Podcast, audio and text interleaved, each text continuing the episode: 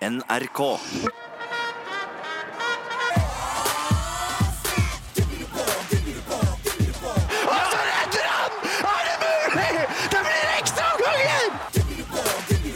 Timeout.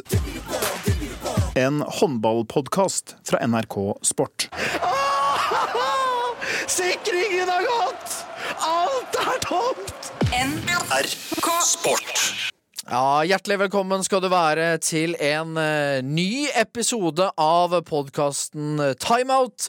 Det har eh, ingenting å si hvor du sitter nå og hører på, om det er på bussen hvor det sitter en rar person til høyre for deg, eh, han ja, eh, eller om du sitter på trikken med hun litt snodig snodige med den rare lua rett i nærheten, eller i bilen, i senga, i dusjen, i sofaen. Det har ingenting å si. Jeg er bare glad for at du er her sammen med meg, og snart også sammen med dagens gjest. Hvis han har rukket å komme seg inn fra rånestripa, ja, det stemmer, det skal handle litt om Notodden i dagens eh, timeout. Dagens gjest kunne vært født til å bli råner, men valgte istedenfor å stanse i hallen på Notodden, istedenfor å kjøre fram og tilbake.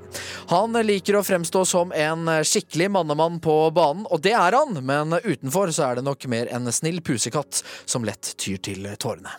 Han har 79 landskamper for Norge og skåret 71 mål. Han har vært en tålmodig sjel, og veien inn som en av landslagets gromgutter har vært lang.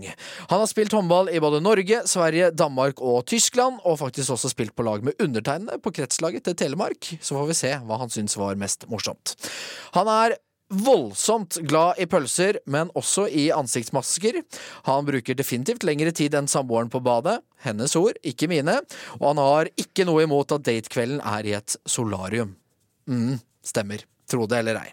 Han har blitt en av kjæledeggene til håndballgutta de siste årene. Etter at han har vist menneskelige sider i intervjuer som å bli rørt til gråt av eh, seier, snakket om lidenskapen for TV-serien Home and Away, og for hans intervjuer med en god dose humor i de. Vi snakker om en strekspiller som har vært gjennom mye i livet, både på og utenfor banen, og som alltid, hvis du googler dagens gjest, så er dette alternativene du får opp. Sønn, Home and Away, Instagram, skilt, Drammen, vekt og brun. Joakim Hykkerud, velkommen hit. Takk skal du ha. takk skal du ha. Eh, hva tenker du om introen her? Det er veldig, veldig, veldig, veldig fin intro. og Jeg kan ikke si noe, da. Det er jo det er sånn jeg er. Så det Ja, det stemmer. Ja, det meste stemmer, da. Så det Men eh, Og jeg legger ikke skjul på at det ikke stemmer heller, så det Nei da, det var fint, den. Takk Vi, skal du ha. vi skal finne ut uh, om en del av disse tingene som jeg er litt sånn spent på. uh, om de stemmer 100% korrekt. Uh, men jeg har veldig gode kilder her på at de stemmer ganske bra, i hvert fall. Vi kan begynne med det siste først. Brun.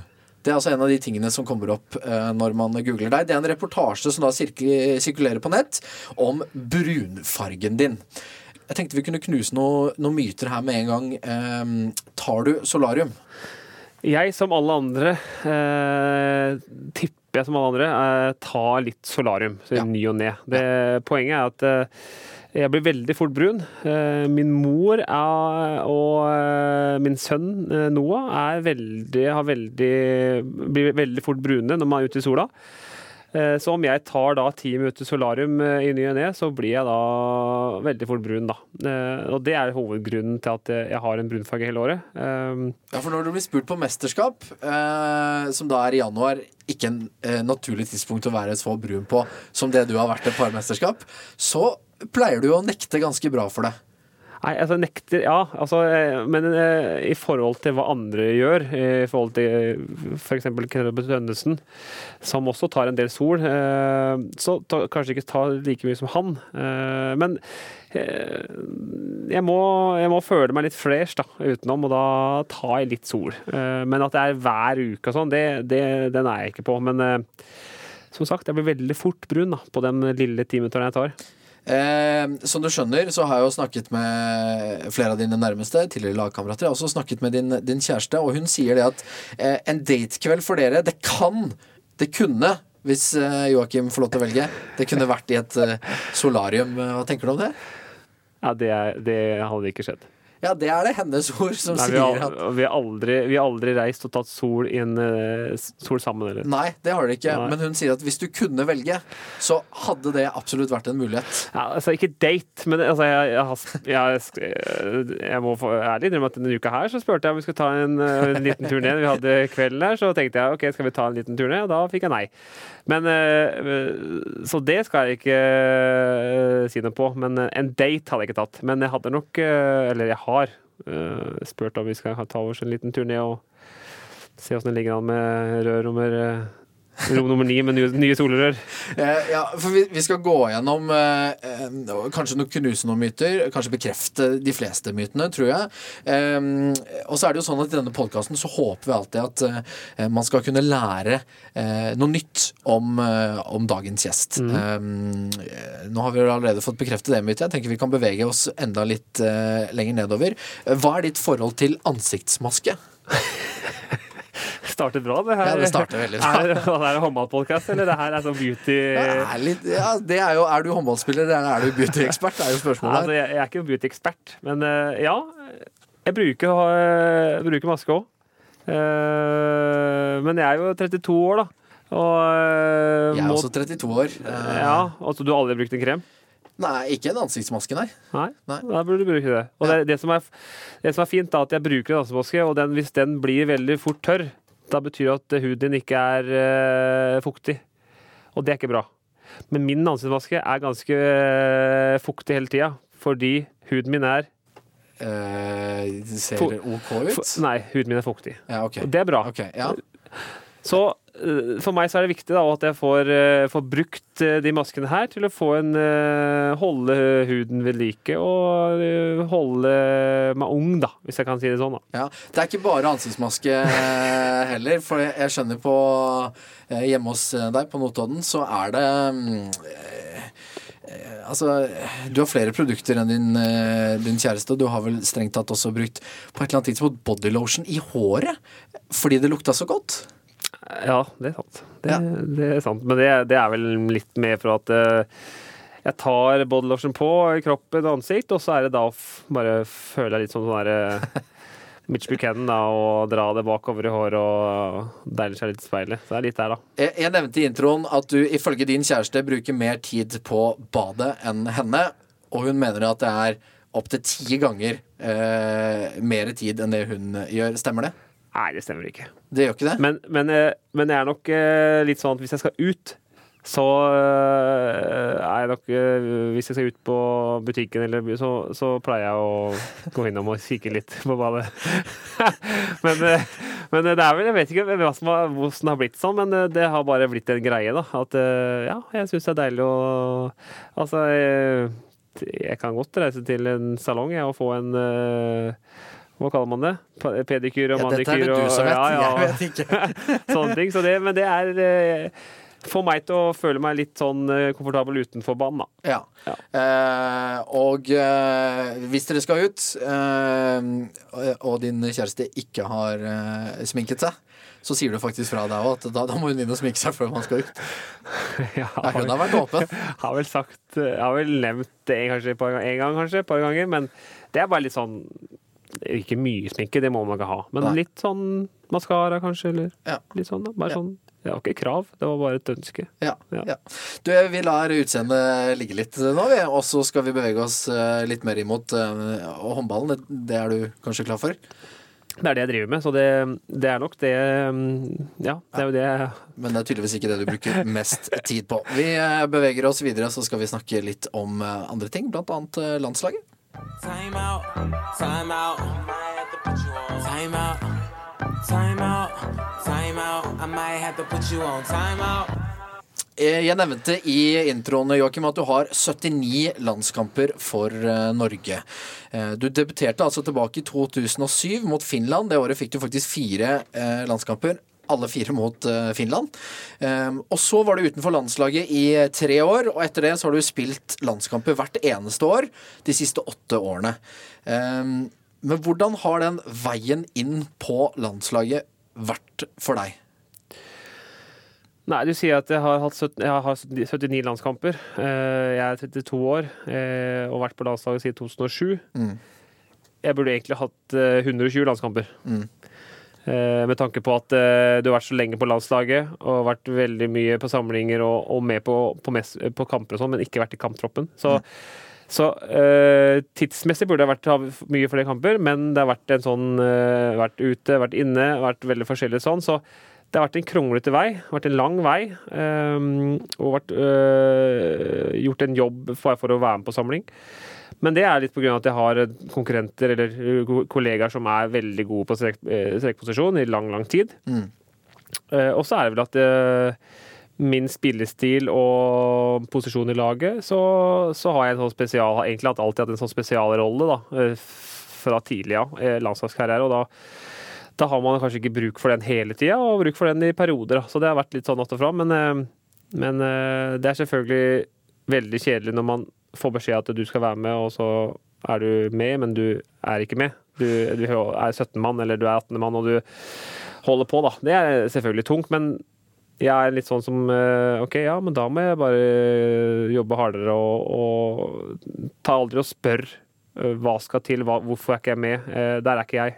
Da tenker jeg OK, da gjør jeg jobben, og så får, får det være godt nok til neste gang. Og så ja, holde på med mm, litt utenom for å, for å utvikle meg enda mer.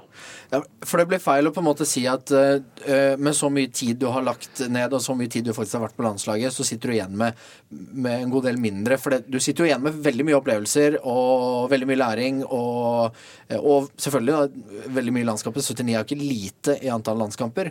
Uh, men som du sier, du var veldig ofte den, eh, den tolvte mann, som er på en måte kanskje et, et eh, bedre begrep, selv om det da er fotball. Du var veldig ofte når det kom viktige kamper, eller det kom mesterskap, så var du alltid den som på en måte ble pusha rett utenfor. Eh, hvordan måtte du på en måte jobbe psykisk med å, å liksom få den beskjeden gang på gang? Nei, men det, det, det, det er noe man Man har jo en dialog eh, før samlinger og under samlinger og kamper, og sånn, så man, så man har, har jo en sånn viss aning hva som, som skjer. Men, men jeg tror aldri han er klar for den beskjeden og sier at du, nå er du ikke med i kampen i morgen. Du får alltid en reaksjon, og den reaksjonen får jeg hver gang. Da blir jeg bare lei meg. Og som du sier, at jeg, jeg gråter av minste ting, og, og da får jeg en reaksjon. Og er veldig lei meg og trenger en prat med, med noen gode lagkamerater, og så er det å bare gjøre jobben igjen. Men, men jeg tenker sånn at det er ikke noe det er eh, 16 stykker som kjemper om eh, en landslagsplass eller tropp, eh, og det er sikkert eh, jeg vet ikke hvor mange hundre som ønsker den plassen. Så det å være med i den gruppa eh, betyr ganske mye for meg, og, og da om jeg er 16 mann, 17 mann, så, så har jeg alltid gjort den jobben eh, like seriøst eh, for det, men eh, For du, du måtte faktisk vente helt til eh, 2016 eh, i Polen. Eh, med å komme inn i en mesterskapstropp. Og, og som eh, vi snakket om, du debuterte jo på landslaget i 2007. Ja. Eh, nå var det jo ikke alle disse årene hvor man kom til mesterskap med herrelandslaget, men 2016 måtte du eh, vente, og det ble jo et ganske ellevilt mesterskap. Hvordan var det å være med, endelig, i 2016? Nei, jeg var jo som sagt med i 2014, var jeg med. eh, Men da var jeg også den tolvte mannen, da, som du kaller det, og, Ja. og, og var på treninger og, og holdt på rundt. Eh, Men det å få, få vært med i et mesterskap i 2016 og, få et gjennombrudd både på, som landslag og som, som for meg selv som håndballspiller, eh, det var jo et eh, Det var jo det, er, noe man har drømt om, eh, og ønsker å, å, å være med og bidra på de store kampene. og å få Norge opp og frem. Da. Og, det er jo det å ha flagget på brystet. Er liksom det, du får ikke noe bedre følelse enn det. Og da når du først er inni det sjøl, og, og ja, nå er det faktisk en bærebjelke i landslaget, det er noe som som betyr kanskje ekstra mye, i hvert fall når jeg har gjort den jobben som jeg, som jeg vet jeg har gjort eh, utenom. Da. Og for å, at jeg må kanskje gjøre litt ekstra, for jeg har ikke det talentet som kanskje den andre har. Og, Ja, og, og så, Dette ble jo gjennombruddet eh, i 2016, men nå toucha du innom egentlig et spørsmål som jeg hadde skrevet opp. Eh, og det er jo da Svaret på, på det er jo for så vidt nei. Ble du regnet som et talent i ung alder av de rundt deg? nei. Du bare ville? Ja, det, det ville jeg. Og det, det, jeg var jo bare liten og, liten og tjukk, eh, hvis man kan si det. Og jeg mener at du, du er ikke forma som lagspiller fotball eller håndball eller hva enn det er, når du er 12 eller 16 eller eh, 17 eller 18. Det, det er ikke noe fasit på det. Eh, Og jeg ble forma som, eh, som håndballspiller da jeg var 19. 19-20-årsalderen. Da begynte jeg å utvikle meg veldig.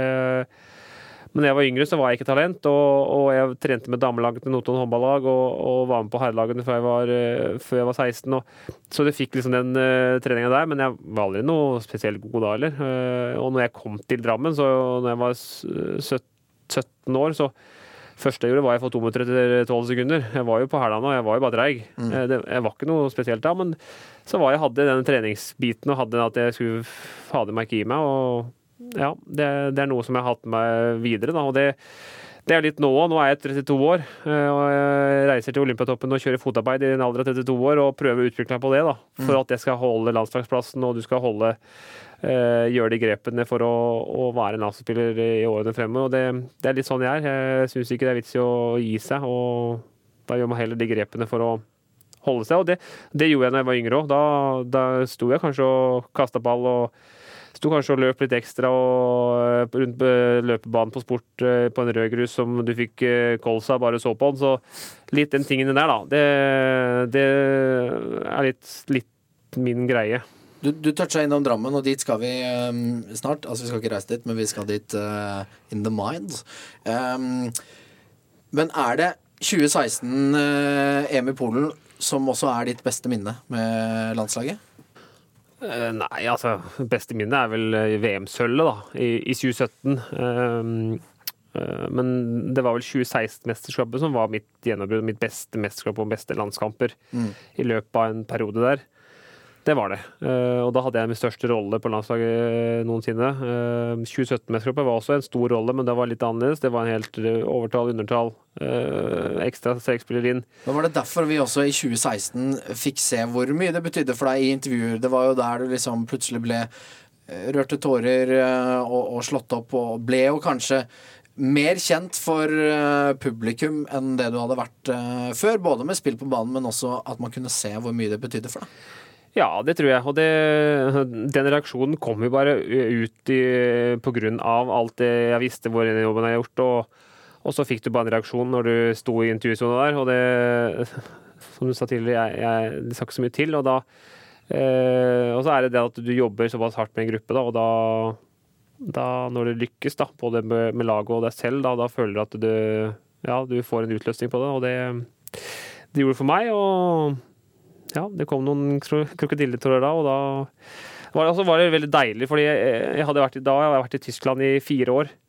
Uh, og, og spilt, fast, spilt, fast, i Tyskland, i Bundesliga, og, og, følte at det, det, var deilig å få vist fram hvem Joakim Hykrø er da, på håndballbanen. Uh, Så det var veldig deilig å, å få det. Men det, det var også en sånn liten bismak, for du, Bjarte ble skada, og, og Bjarte er en av mine beste venner uh, på landslag. og du fikk liksom at det, du gjorde det bra fordi at en annen ble skada. Eh, men der var Bjarte fantastisk igjen å støtte meg opp og bygge meg opp da, før jeg skulle få de kampene der. Og Da, da fikk du en helt annen trygghet òg, når du visste at eh, han som du egentlig tok plassen til da, eh, i de kampene han var skada, så, så, var han den som var sterkest og backa meg og ga meg den tryggheten jeg skulle ha da, for å vise at nå bare gjør det som du gjør på kampene i Tyskland.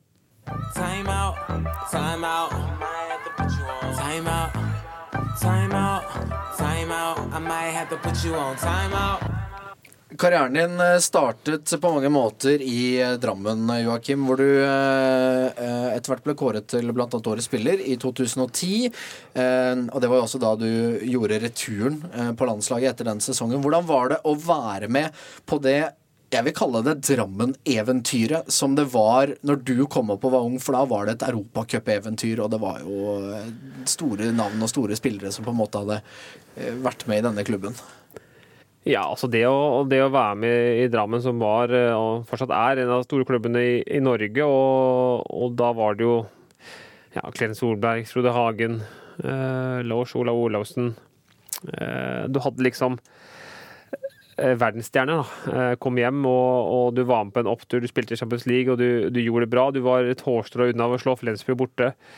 Eh, Tapte ikke en kamp i, i hjemlig serie. Og, og, og, så det var jo fantastisk for en liten ung, ung telp fra Notodden som, som eh, ikke hadde opplevd sånne ting før. Og det, det gjorde noe med karrieren. Fikk en vinnerkultur da, i, ryggraden. Og, ryggraden og og vi som klubb vi bare ble større og større. Og det å være med på, på den reisa var jo Det var jo bare Det bare, det bare fløyt jo bare. Jeg eh, kan ikke si noe annet enn det. Det, dette var jo starten på din karriere. Da bodde du eh, i Notodden. Du pendla eh, Drammen-Notodden. Og det, akkurat den pendlinga der har du jo blitt relativt eh, kjent for i ettertid. Eh, vi kan kalle deg en sånn eh, ikke groundhopper, men bensinstasjonsstopper. Eh, du stoppa Og det har du på en måte blitt kjent, med, kjent for. Å, å stoppe på en bensinstasjon og kjøpe pølse. Ja. Eh, har du alltid vært så strategisk i media, Joakim? Altså, det er ikke noe strategi her, altså, eller strategi her. Altså. Det er ikke, det, er, det, det kommer av helt seg selv, men eh, altså, det er jo bare meg, da. Det, ok, ja, men Hvorfor skal jeg legge skjul på at jeg gjorde det?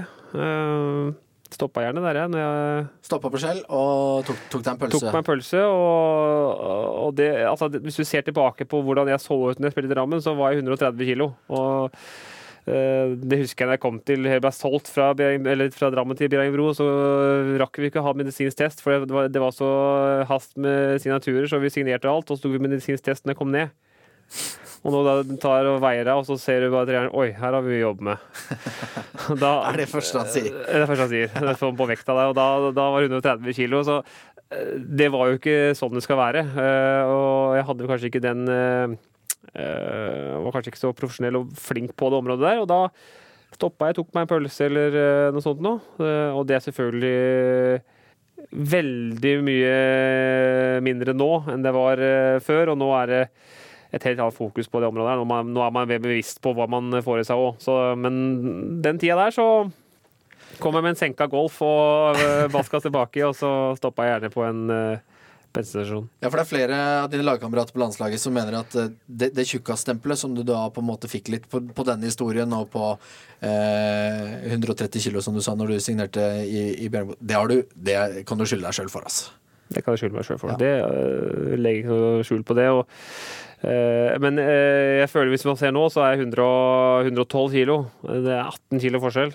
Uh, og jeg vil si at uh, Mer profesjonell nå enn du var Ja, det, altså, det er en helt annen verden. Og det, man er helt, man, helt eh, Man er mer bevisst på hva man spiser og man, hva man gjør, og det, det var jeg ikke da. Da var jeg jo bare gladlaks fra Notodden som råna og, og kjørte til Drammen og trena, og så kjørte jeg hjem igjen. Det, nå er det selvfølgelig matpakke og lettbrus og, og det som skal til da, for, å, for å være best mulig. Em, husket du alltid veien fra Drammen til Notodden? Altså, jeg kan ikke kjøre bil uten GPS. Ja, for det er din bror som mener at eh, du sleit eh, ganske bra. det- Dette er en vei du kjører hver eneste gang. Ja. Du kjørte deg vill, eller? Nei, men jeg, nei, men jeg har jo Altså, jeg har jo ringt han mange ganger og sagt hvor skal, hvor skal jeg nå? Og da skal jeg til Skien, eller jeg skal til Gvarv, som er rett ved by- bygda ved Notodden. Så, så jeg er ikke så god der. Så, men det som var at jeg, når jeg var yngre, så når pappa eller mamma kjørte, så, så sovna jeg med en gang i bilen. Så jeg fikk jo aldri med meg den veien.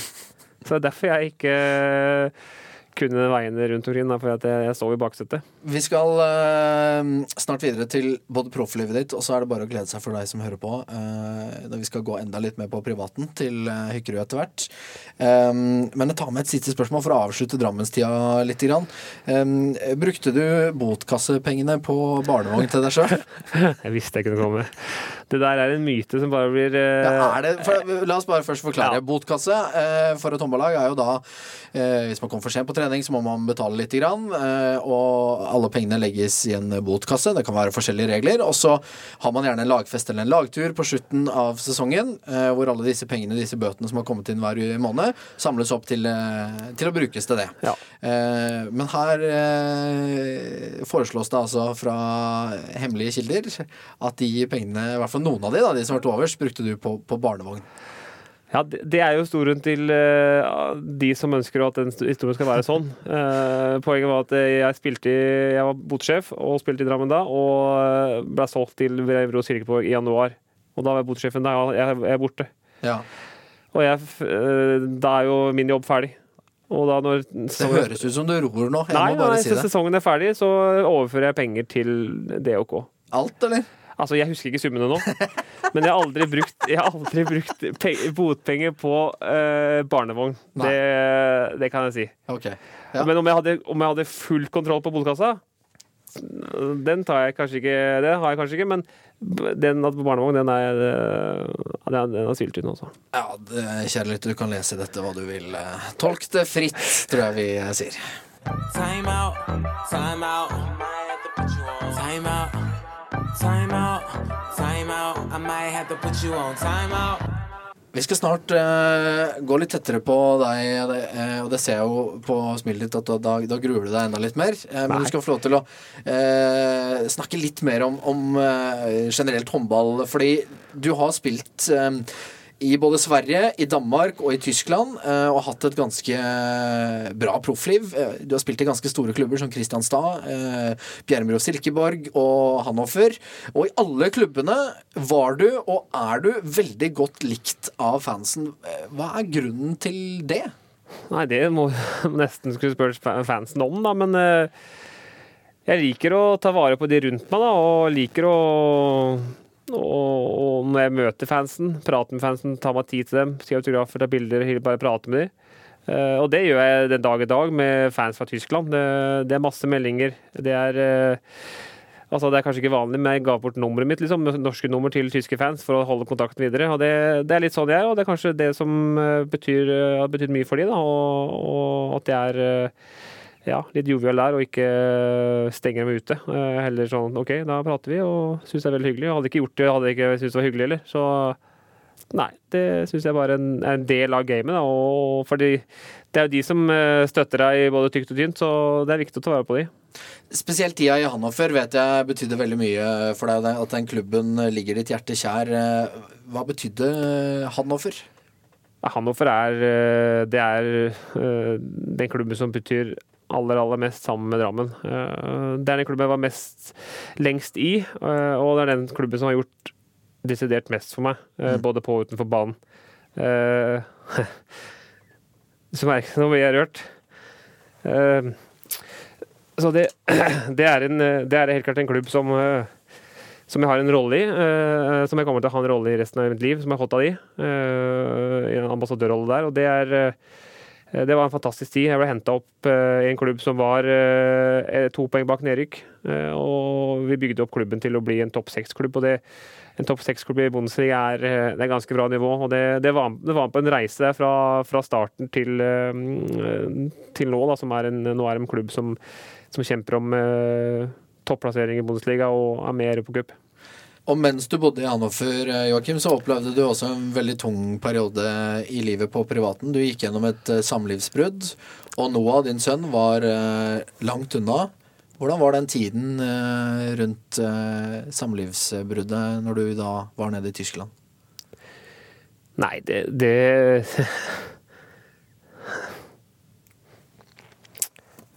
Det er følsomt, det. Det Det er noe som virkelig Som virkelig Du treffer punkten nå, Patrick.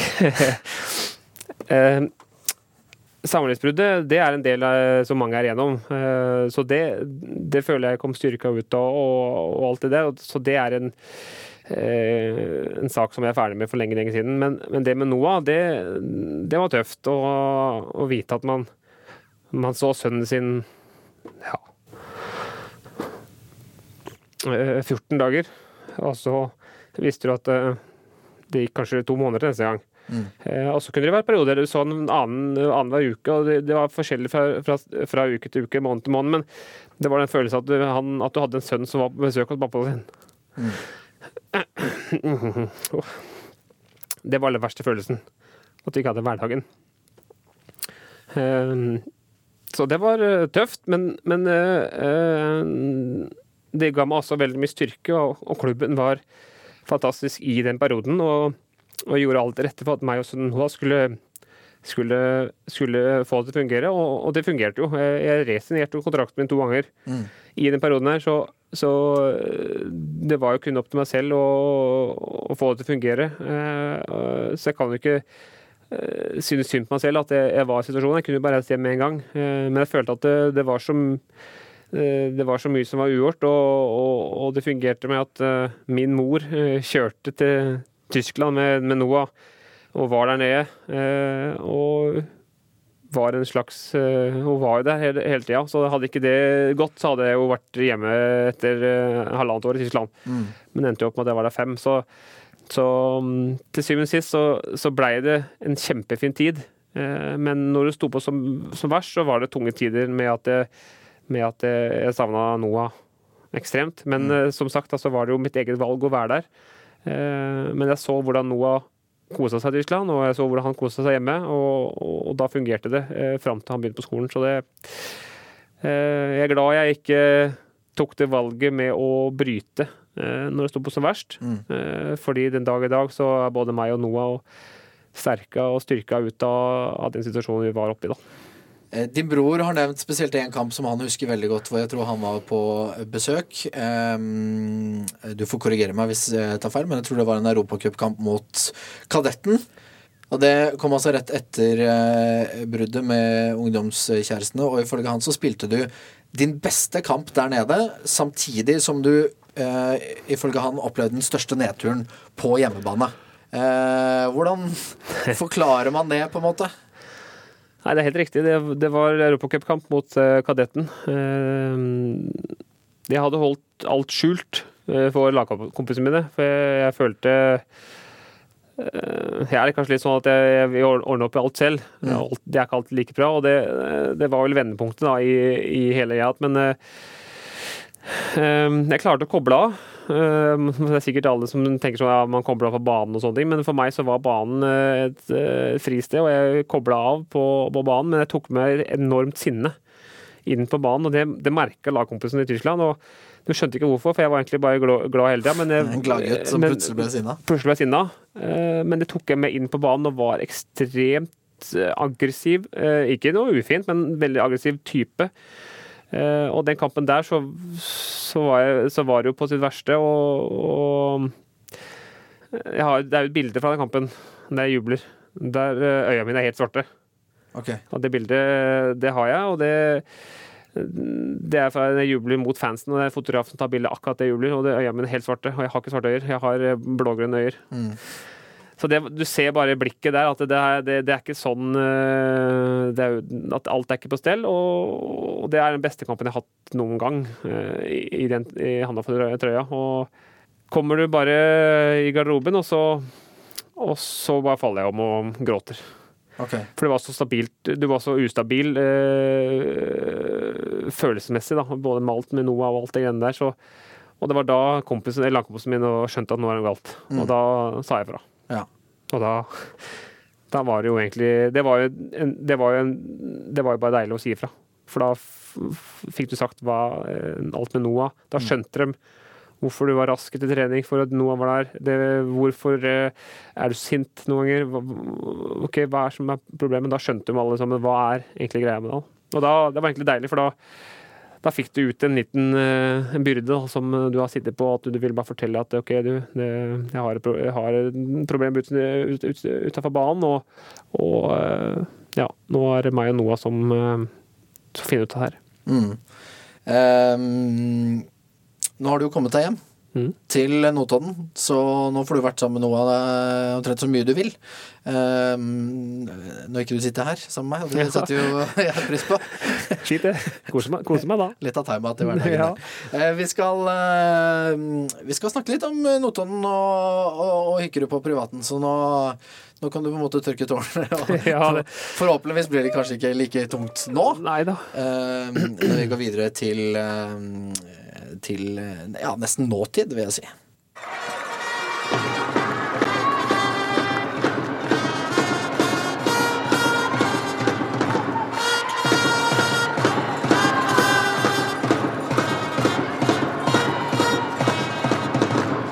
Nå har du altså eh, igjen da vendt hjem til eh, Notodden, så er du tilbake på pendlinga til eh, Drammen. Um, så har du funnet deg en ny kjæreste, Camilla.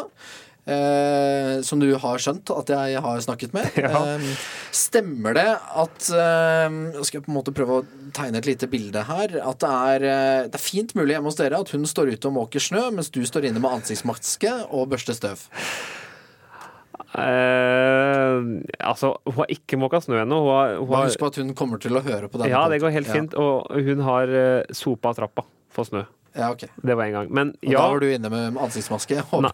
Nei, da hadde jeg vaska huset eh, kvelden før og hatt meg kanskje ansiktskrem, da, det kanskje. Men, men ja, jeg liker å vaske hus og, og holde det i orden. Det, det er vel litt den Tyskland-tida, kanskje, som har eh, fått meg til å bli ryddig på det området der. Så, Men ja, jeg er jo ikke handy. Jeg er jo ikke noe, har jo ikke tømmestokker som hender. Ikke sant?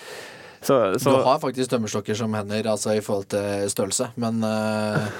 men de, ja, de er kanskje ikke til så mye annet bruk enn å ta imot en ball. Nei, og så vaske hus, da. Så, nei, ja, men jeg, jeg foretrekker heller eh, Altså snakker jeg meg sjøl ned, ikke sant? men jeg foretrekker heller å kose meg inn i huset og vaske litt istedenfor å måke snø. Ja. Ja. Men det var det jeg sa. Ja. Kanskje litt mer pusekatt eh, Litt på hjemmebane. ja.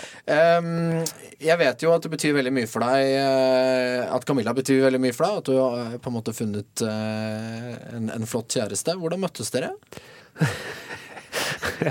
Altså, nå veit jeg at du har liksom Nå vet jeg at du veit historien sikkert, ikke sant? Ja, men det vet jo ikke han eller hun eh, som hører på. Ja, ja, ok, fordi nå er det jo Skal jeg fortelle den reelle historien, eller skal jeg fortelle ønskehistorien?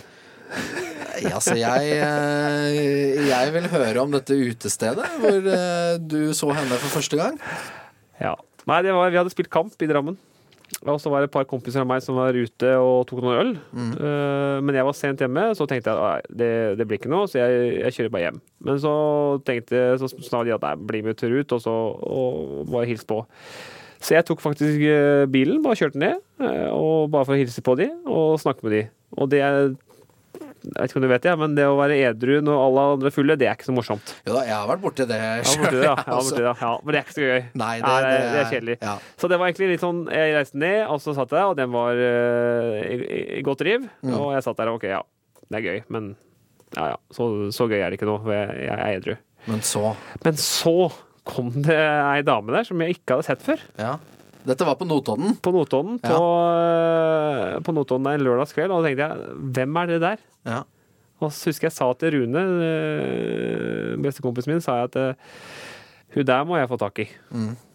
Altså, det er egentlig ikke meg å sende melding eller drive og gjøre sånn. Men, men du, du gikk jo bort denne, den Ja da. eh, kvelden. Ja da, altså øh, prøvde jeg å få øyekontakt. Jeg prøvde å flørte litt, og det er jo ikke, er jo ikke Har jo ikke har jo ikke eh, genene for å flørte heller, så jeg prøvde liksom å kikke litt. Men så det Er riktig å si at du ble avvist ganske Ja, kontant? Ja, for det jeg kommer til nå, det er at da, når ikke det gikk an å få litt sånn øyekontakt og få den, få den kontakten der, så, så gikk jeg ut, og så skal jeg gå tilbake igjen, og da sto hun ved øh, ikke inngangen, men liksom ved to, mellom to bord, da. Mm. Og det ene bordet var jo vårt. Ja.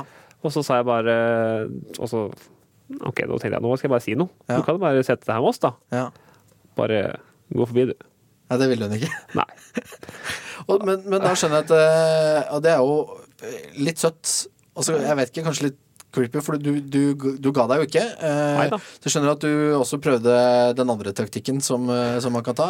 Gå via vennene. Ja, fordi hun er jo politi. Ja. Og min kompis, eh, faren hans, jobber jo med Camilla politistasjon. ja. Så jeg fikk jo Han ringte jo sin far da for å høre litt om Camilla. Og, Den kvelden. Den kvelden, ja. Ja. da. Og eh, får informasjon. Og så la han henne til på Instagram. Ja. Og så la jeg henne på Instagram. ja. Og det var egentlig venneforespørsel på Facebook også. Ja, det kan hende at det var det, ja. Ja. Men jeg sletta igjen.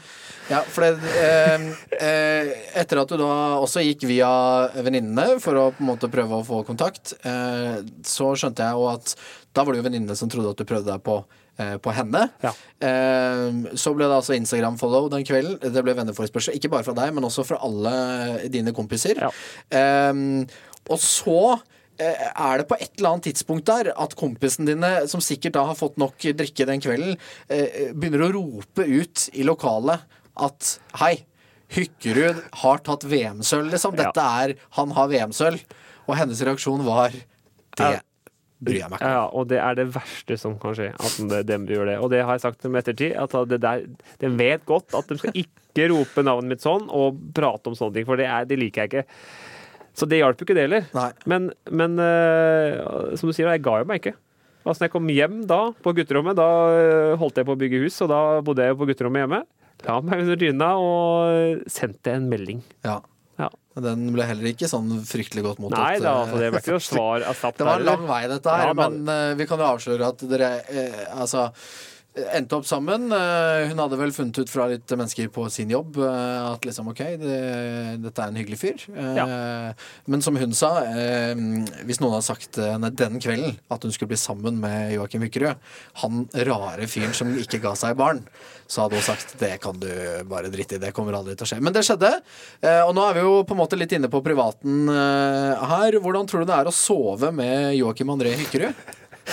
Og dette gjelder jo egentlig ikke bare kjærestene, det gjelder jo også lagkompiser på landslaget. Magnus Jøndal, eh, min trofaste roomie, har jo, han har jo hatt eh, soveterror i snart ti år på landslaget, så For hva gjør du hver natt? det er mye. Det er prating, og det er eh, roping, og det er touching og Og så går du i søvne? Ja, ja. Det, jeg har en, jeg hadde, det var så, så gærent at uh, når jeg var aleine i Tyskland, så var mine foreldre nervøse. De, de begynte å sjekke ut hva er grunnen til uh, å gå i søvne, og hva er så mye som jeg gjør. Og Ja. det, da kommer det opp at du har psykiske problemer. Ok. Altså, jeg er ikke helt der. Og du må aldri kjøre sånn lommelegen eh, så sjekke symptomer. Nei, men jeg gjør ikke så det, men de var Ja. jo da stressa. Ja, men, men jeg skjønte skjønte at det, det, var, det er jo ikke det som er problemet. Men jeg er som regel sånn Før så var det sånn veldig mye sånn Når jeg var aleine, så gikk jeg eh, mye og prata mye og var eh, romsterte, men så Det blei bare mer og mer. Mm. Det var ikke bare når jeg var aleine, det var sånn når jeg var med andre. Så jeg har mange historier der, og det Jeg tipper at du har sikkert hørt noen historier òg. Ja, men igjen, eh, den eh, vår kjære lytter har jo ikke hørt det, men jeg skjønner jo at eh, blant annet med Camilla på et eller annet tidspunkt bare tok tak i beina hennes og reiv henne ut av senga og slang henne på gulvet omtrent. I søvne. Ja. Det, altså, altså, ja. Men jeg, jeg, jeg slang henne på gulvet. Jeg, det gikk ikke så langt at hun datt ned, men jeg gikk opp og, og ga en god sprint rundt om senga og tok, tok tak i begge beina og skulle dra henne ut, da. Ja. Da, da drømte jeg at eh, da var hun på bålet. Men hvis no, da var hun på bålet, ja. På bålet, ja. Så du skulle dra henne vekk fra Jeg bålet? skulle redde henne. Så, så jeg må jo få Men for hun som uh, lever i, ikke i din fantasiverden, Ja. så må det jo ha vært ganske, ganske uh, en merkelig opplevelse. Ja, det må være en grusom opplevelse. Men jeg føler at jeg må få litt, litt mer creds da, for at jeg faktisk redder henne. Ja. Ja. Eh, nå så sier hun at hun, hun våkner jo hver eneste gang du våkner på natta. Men i starten så dytta hun deg på en måte ned igjen. Eh, nå har hun rett og slett bare begynt med det at så lenge ikke du nærmer deg et vindu, så lar hun deg være. da lar hun deg gå. Ja. Men eh, jeg har faktisk fått dårlig samvittighet noen ganger, fordi uh, hvis jeg drømmer om ting, så, så, så kan jeg jo si ifra Ja, og kjefte. ok. Ja. Så du kjefter på Jeg henne? har kjefta på henne i søvne. Men da tenker jeg at da, da, jeg, da har jeg gjort kjeftinga. Ja. Så da trenger jeg ikke kjefte på henne i det dagligdags eh, livet. Ah, okay, så da, ja. Da, og så kan jeg gjemme meg bak Ja, men jeg sov jo. Jeg var i søvne. Så du kan ikke bli sur på en som kjefter deg i søvne. Nei. Så det er kanskje en taktisk eh, Eh, taktisk vri der. Eh, men du sier du har mange historier. Hvis, hvis du skulle valgt ut én, liksom din go to 'jeg går i søvne'-historie. Oh. Det er såpass mye å velge Ja, det er det, vet du. Men eh, Nei, jeg har eh, Nei, Jeg kan ta en som starta Som kanskje starta alt. da Det var jo hjemme hos mor og far. Når jeg, de legger seg, og alt er fryd og gammen i huset. De våkner opp med døra oppe og mursteiner i, i stua. Ok. Da har jeg vært ute og henta noen mursteiner og lagt dem på, på stua, i stua. Eh, hva drømte du om den natta? Da tenkte jeg kanskje at jeg, var handy da, og skulle mure et uh, grunnmur da, eller noe sånt. Var, men ja. er, du, er du redd for eh, hva du sjøl kan finne på å gjøre? Nei. Du er ikke det? nei. Jeg tror andre er litt redde. Ja, det kan hende, men det, jeg er som regel snill, da. Du, eh, jeg forstår at eh, på hjemmebane så er både du og din kjæreste såpass konkurransemennesker eh, at skal dere spille et spill, så, så skal det være en innsats, og det skal overføres penger til den andres konto ved seier og tap. Ja, eller nå har vi oppretta en, en felles konto. Eh, en slags, det, det er en sparekonto, da. Så det her er jo veldig bra for, for begge to. Det er at vi, vi, vi vedder om det meste, og så har vi også eh, forskjellige Det kan være, det kan være eh, klagebot eller sutrebot eller eh, et veddemål, da. Men er det du som har ansvaret for botkassa hjemme? Ja. Oh, ja.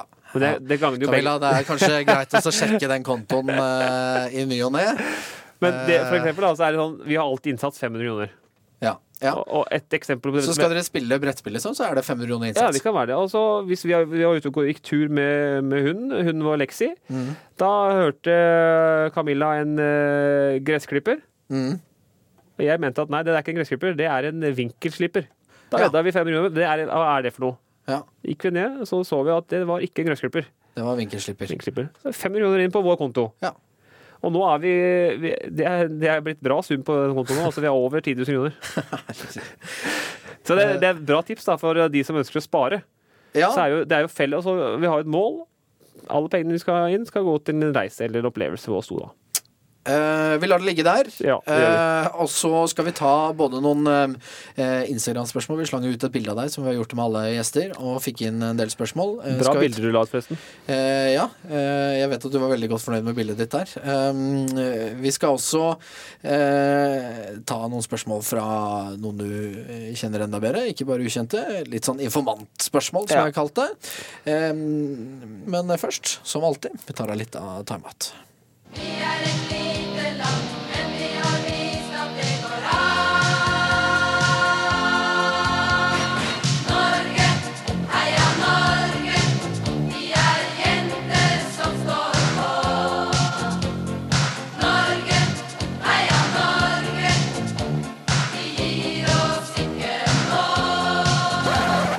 så alltid sier vi oss med den sangen eh, akkurat der. Eh, Dette er altså Bronselaget sitt låt, en av de første håndballåtene som ble laget. Eh, alle har fått spørsmålet. Terningkast på låta. Tre. Tre? Ja, her har du vært vesentlig hardere i vurderingen enn veldig mange andre. De syns det er liksom veldig sånn gromlåt, men du er tre. Tre. Tre. Det er egentlig litt for at jeg er bitter sjøl. Hadde ikke vært noe VM-sølvlåt VM-sølvlåt for håndballgutta. Det, nå har vel Sander Sagosen allerede sagt at hvis det blir eh, gull i et mesterskap nå, så skal han samle gjengen og gi ut en låt. Eh, så Skal Sander Sagosen eh, stå i bresjen og lage låt? han eh, har lovet det på denne podkasten, ja, så da regner jeg med at du, du er med. Og så får men, vi eh, dytte han foran som solist. Er vi ikke han so som solist, er vi ikke han som produsent. Eh, Ko- Kordame kan han være på. Kordame. Ja. Eh, vi skal eh, ta en eh, spalte, vi, eh, som har en eh, helt OK, ikke noe mer enn det, jingle. Enten eller. Enten eller eller. Ja. Enten eller. Og vi eh, vet at uh, selve spalten er mer underholdende enn eh, selve Ja, jingle. Det, det håper jeg. Uh, det er enten-eller. Det er uh, dilemma, på en måte. Du må velge én av alternativene som du får. Mm. og disse er jo både litt generelle og myntet på deg. Ville du, altså Joakim Hykkerud, tatt selvbruning hver dag eller være kritthvit resten av livet?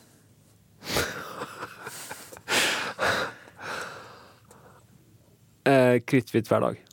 Oi! Ja. Hadde- Men den satt langt inne. Ja, jeg gjorde det, men da hadde jeg, da hadde jeg gjort så mye for brunfargen på sommeren Mm. for at jeg skulle være minst mulig hvit resten Ja. av året. Ja, ok. Ja. Um, ha en kjæreste som aldri sminker seg, eller ha en kjæreste? Ha en kjæreste. Ja, jeg tenkte den var, den var enkel, men jeg bare ville gi deg det første der.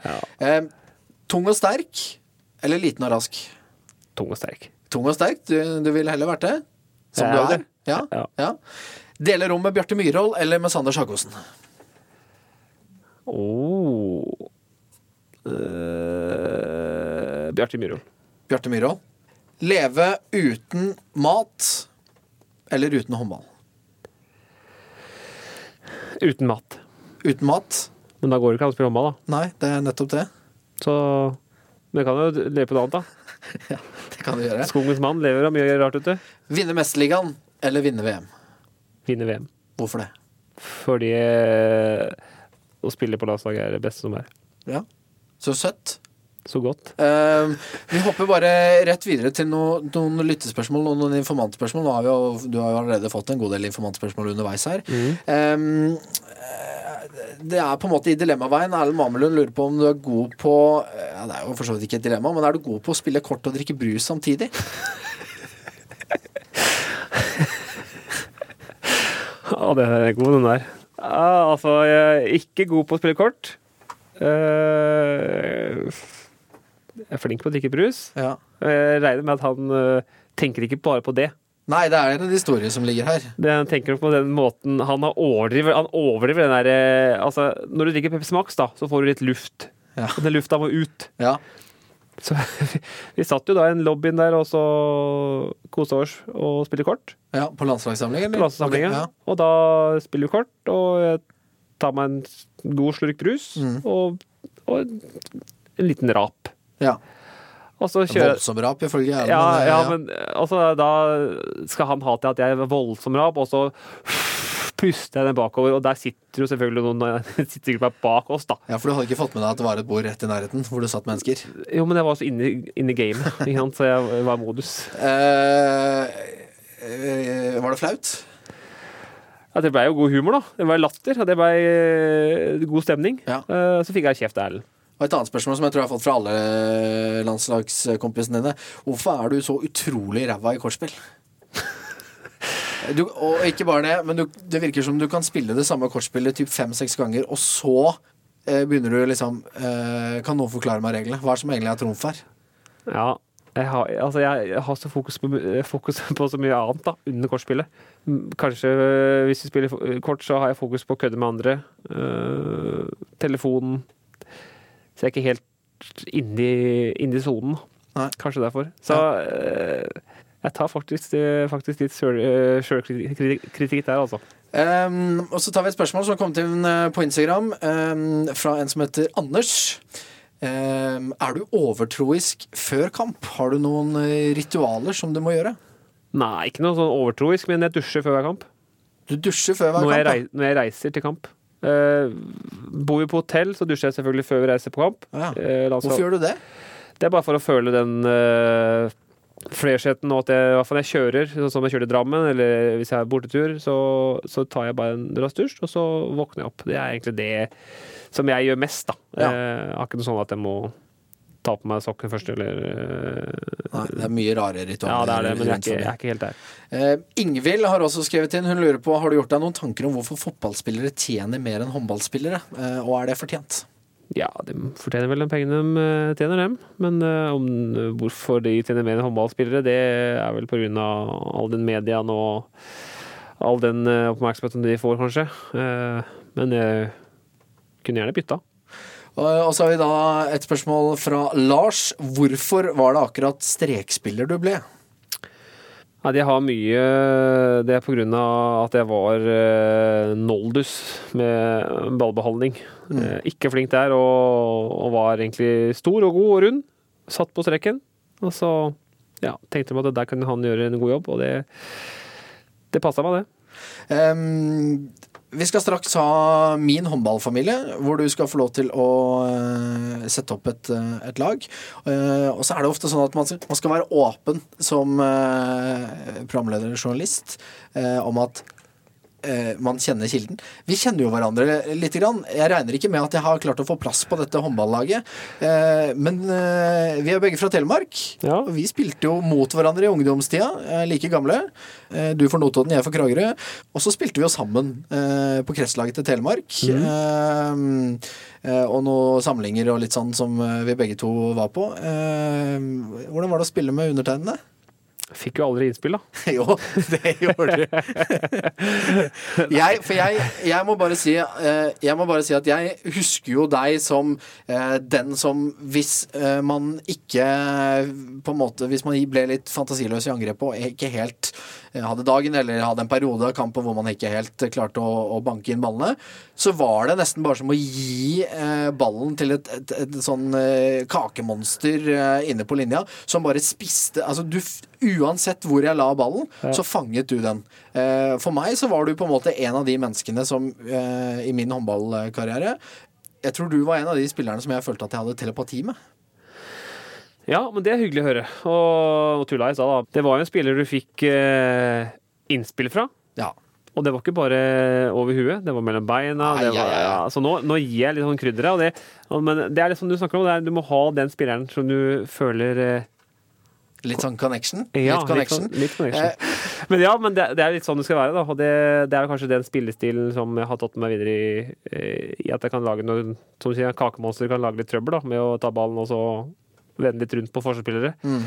Men ja, den, den, den tida med kretslag og, og, og regionale landslagssamlinger og alt det, det er jo en, noe som en ja, 15-16-åring Det er jo he, det er jo en eh, kjempefin tid. Du er nervøs, og du har venter på brev i posten for at du kommer på, på neste sa- Sånn. Så det er eh, helt klart noe som eh, eh, står sterkt, da. Men eh, Og så husker jeg allerede da så var du humørgutten. Du var humørsprellende. Det var aldri eh, et surt øyeblikk, omtrent. Nei. Du var liksom blid fra jeg møtte deg, til eh, vi dro fra den samlinga. ja, da, det er ikke Det har alltid vært sånn. Det, så det, det, det er sånn det er, bare. Det jeg var kanskje ikke alltid like blid når jeg møtte Kragerø da, i kamp, kanskje, for da følte jeg at det var noe som trigga meg igjen. Ja, vi, var litt, vi var litt for gode. Vi var litt var, for gode. eh, ja, sånn er det når vi møter folk på vestkanten. Så blir det sånn. Eh, jeg har neppe fått plass på Joakim Hykkerud sin, eh, sin i, i hans håndballfamilie og hans lag, um, og det er fortjent. Men nå skal vi faktisk høre uh, hvem han har eh, fått på plass i sin håndballfamilie.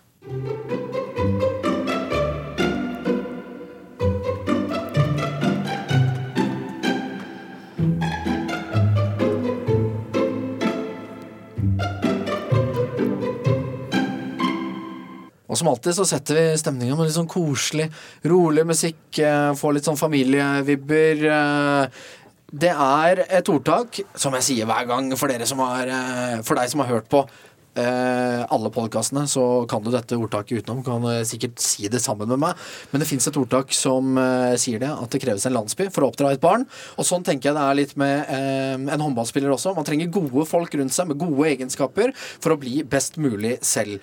Og da skal alle gjestene, og du også, Joakim, som har fått litt forberedelse, som alle har fått, plukke ut de egenskapene de ønsker rundt seg.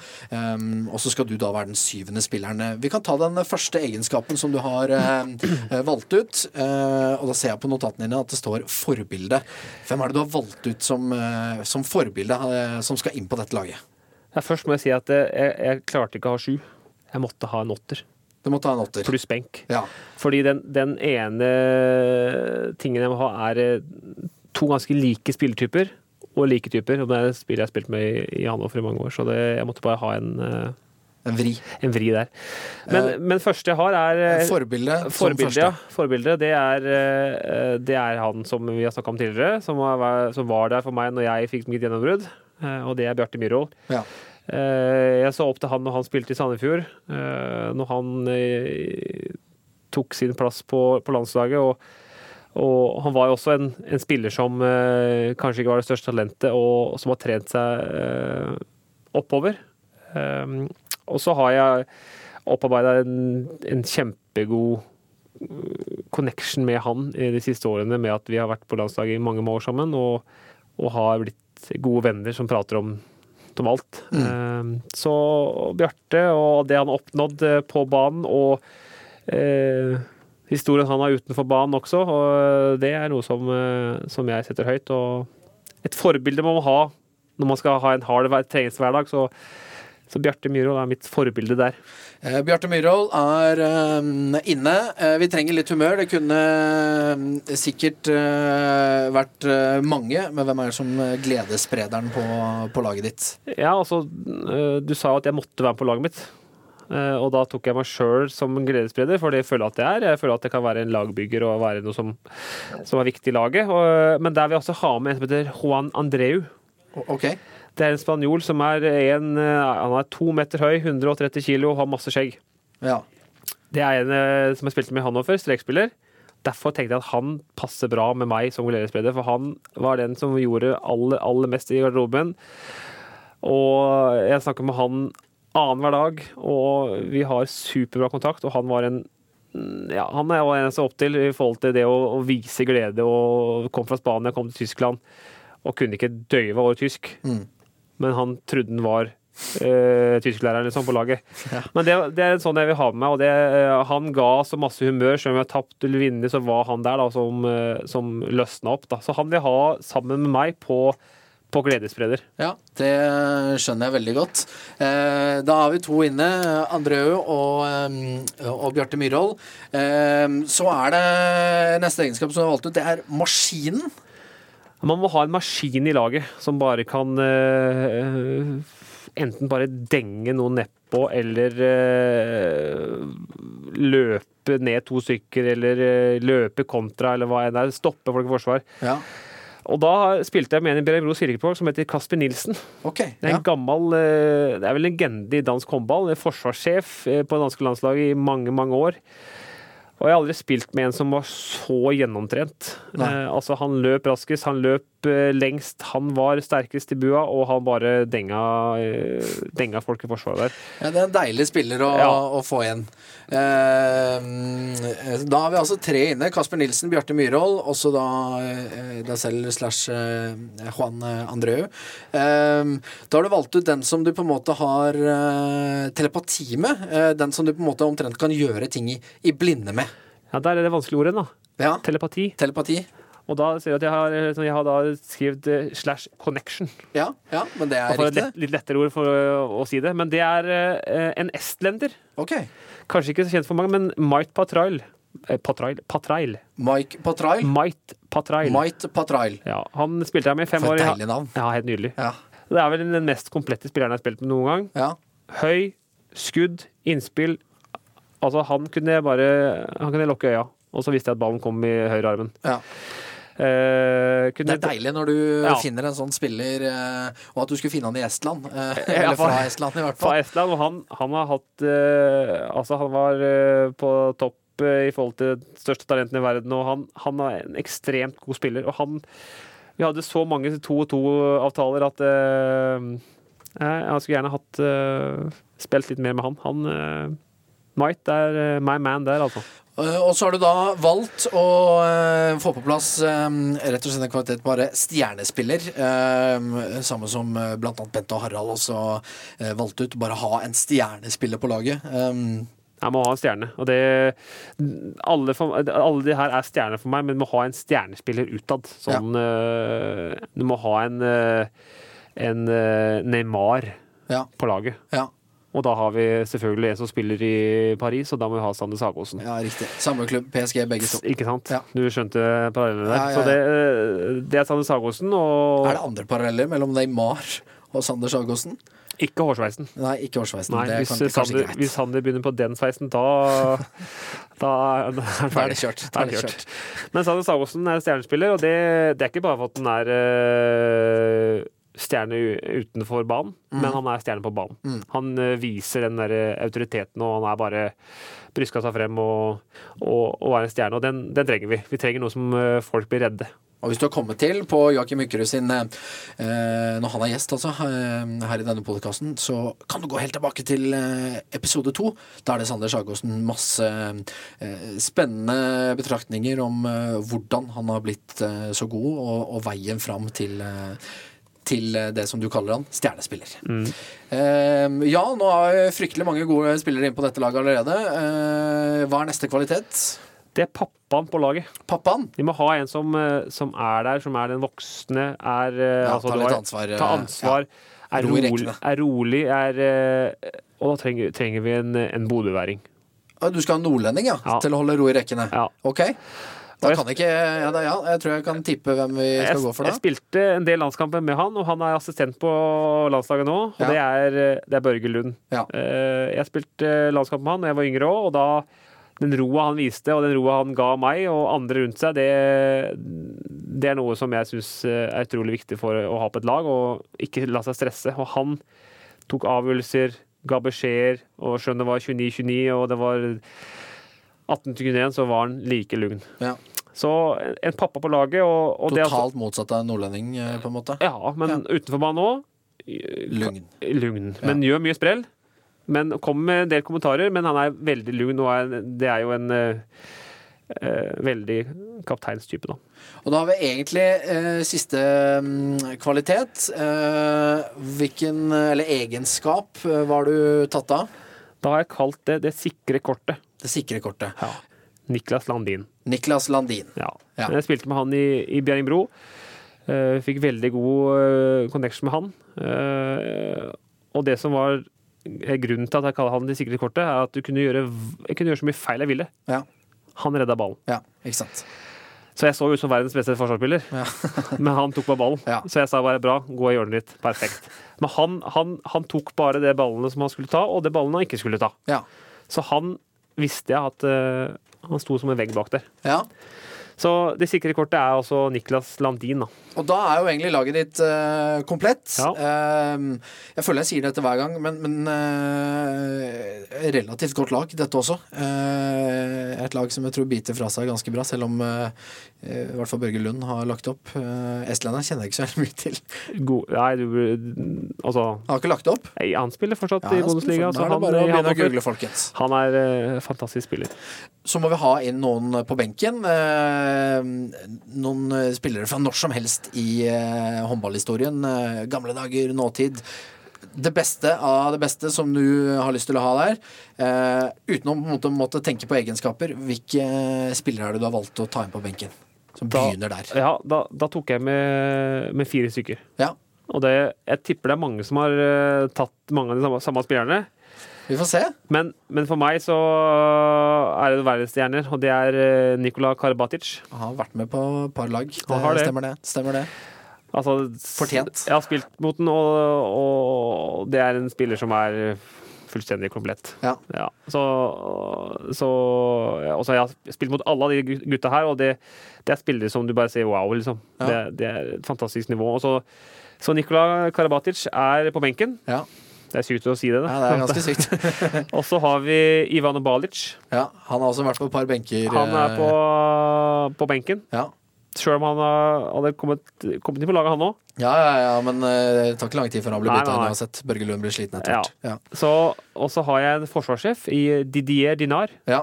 Også relativt uh... Relativt bassete, han òg. Så Ja. han uh, er jo landslagssjef nå for Frankrike. Men han, uh, han eh, husker jeg skulle sperre en gang på. Det, Det gikk ikke. og det verste var at jeg, vi møtte de borte, og da fikk jeg et innspill. Og jeg fikk innspillet foran han og venda opp og, og skjøt faktisk ballen i kassa.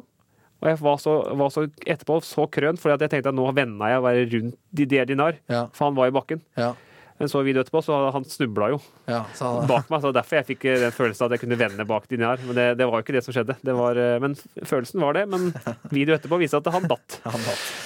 Eh, Sist, Sistemann, det er Stefan Løvgren. Stefan Løvgren. Ja. Også komplett spiller. Ja. Eh, fantastisk eh, ro og Ja. Eh, når jeg møtte han han spilte i Kiel, så, så hadde han jo Alt dreide seg om han. Så, så han er også med på benken min, da. Eh, da eh, skal vi få høre hvem som har æren av å skulle lede dette laget. Eh, med ganske mange personligheter. Sterke personligheter. ja. Eh, tøff trenerjobb. Eh, hvem er det som har fått den?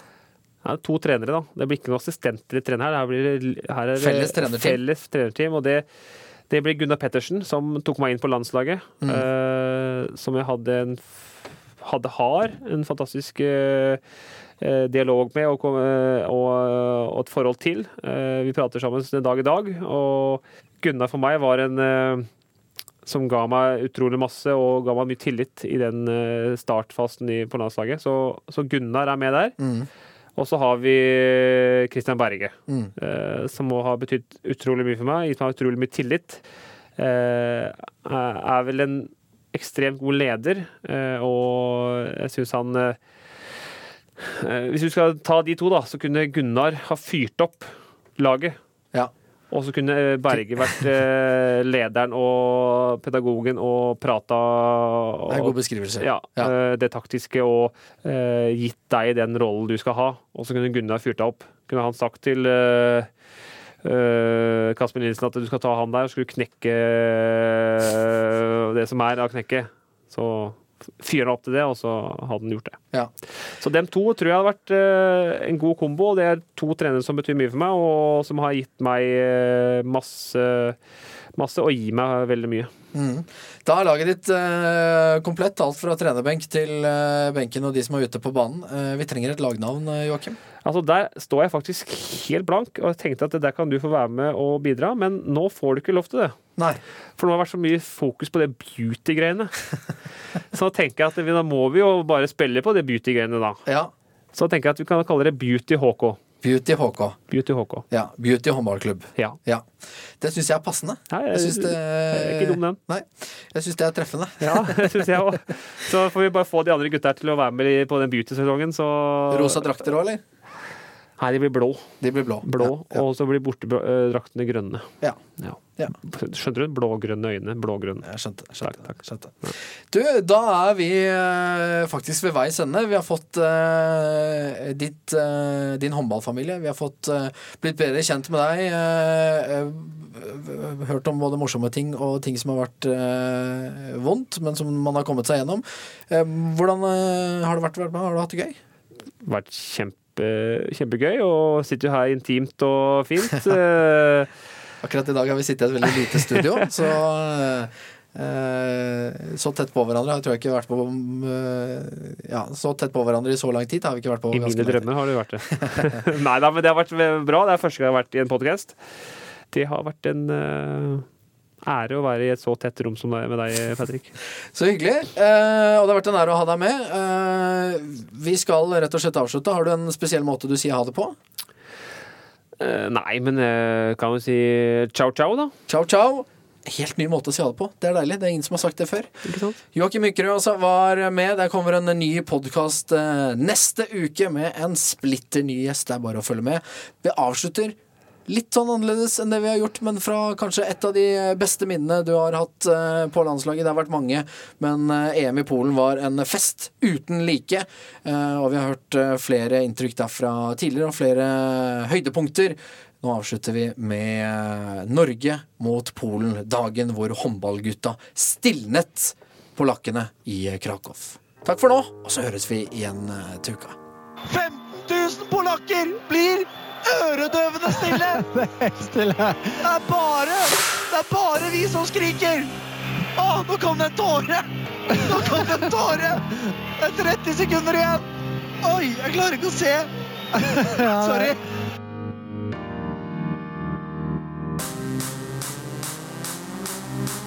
Fem sekunder igjen. Fire, tre, to, én. Norge har slått Polen foran 15 000 elleville polakker! De hopper og spretter og danser ute på banen, og det er øredøvende stille i hallen. Det er tyst! Nei, jeg tror det nesten ikke. Det er Dette er en av de største seierne for det norske herrelandslaget noensinne. Og ikke bare det, med denne seieren så er det et stort, gigantisk skritt mot semifinale. Ja, det er helt vanvittig. Altså NRK Sport.